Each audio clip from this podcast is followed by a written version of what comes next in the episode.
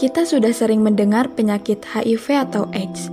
Penyakit yang disebabkan oleh virus imunodefisiensi virus atau HIV yang menular dengan melakukan hubungan seksual, kontak dengan cairan tubuh pasien, transfusi darah, menggunakan alat suntik secara bergantian, penularan dari ibu ke bayi melalui proses hamil, melahirkan, dan menyusui. Hal ini menjadi ketakutan tersendiri di masyarakat, sehingga orang dengan HIV atau AIDS tak jarang dikucilkan dan direndahkan. Stigma masyarakat yang beredar menyebut bahwa HIV atau AIDS ini adalah kutukan, dan bahkan orang yang menderita penyakit HIV atau AIDS dekat dengan kematian. Jangan dekati dia, jauhi dia.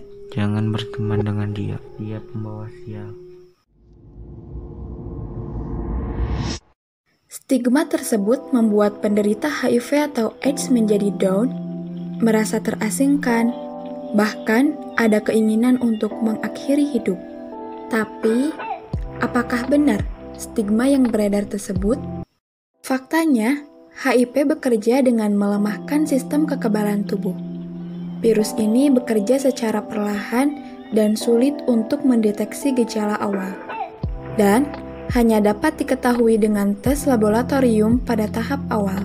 Semula dengan gejala demam, sariawan, merupakan fase pertama dari HIV. Pada fase kedua, virus berkembang biak secara perlahan tanpa adanya gejala sama sekali. Rata-rata, HIV berkembang menjadi AIDS yaitu fase ketiga, di mana kekebalan tubuh sangat lemah sehingga kuman mudah masuk ke tubuh penderita tanpa adanya perlawanan yang berarti. Lalu, apa yang bisa kita lakukan untuk mengatasinya? Saat ini sudah ada obat untuk HIV yaitu antiretroviral atau ARV. Obat ini memang tidak menyembuhkan, tetapi telah menolong banyak penderita HIV dan memperpanjang masa hidup mereka jika mereka terdiagnosis tepat waktu serta mengikuti pengobatan dan kontrol yang teratur.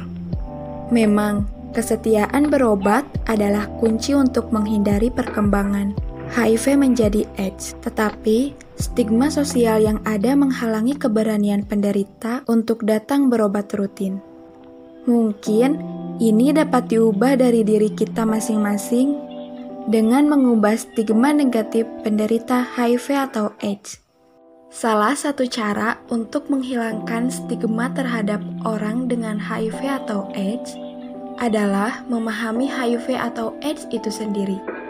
Seperti mengetahui bahwa virus HIV hanya dapat tertular melalui cairan tubuh seperti darah, cairan pada organ reproduksi, dan ASI.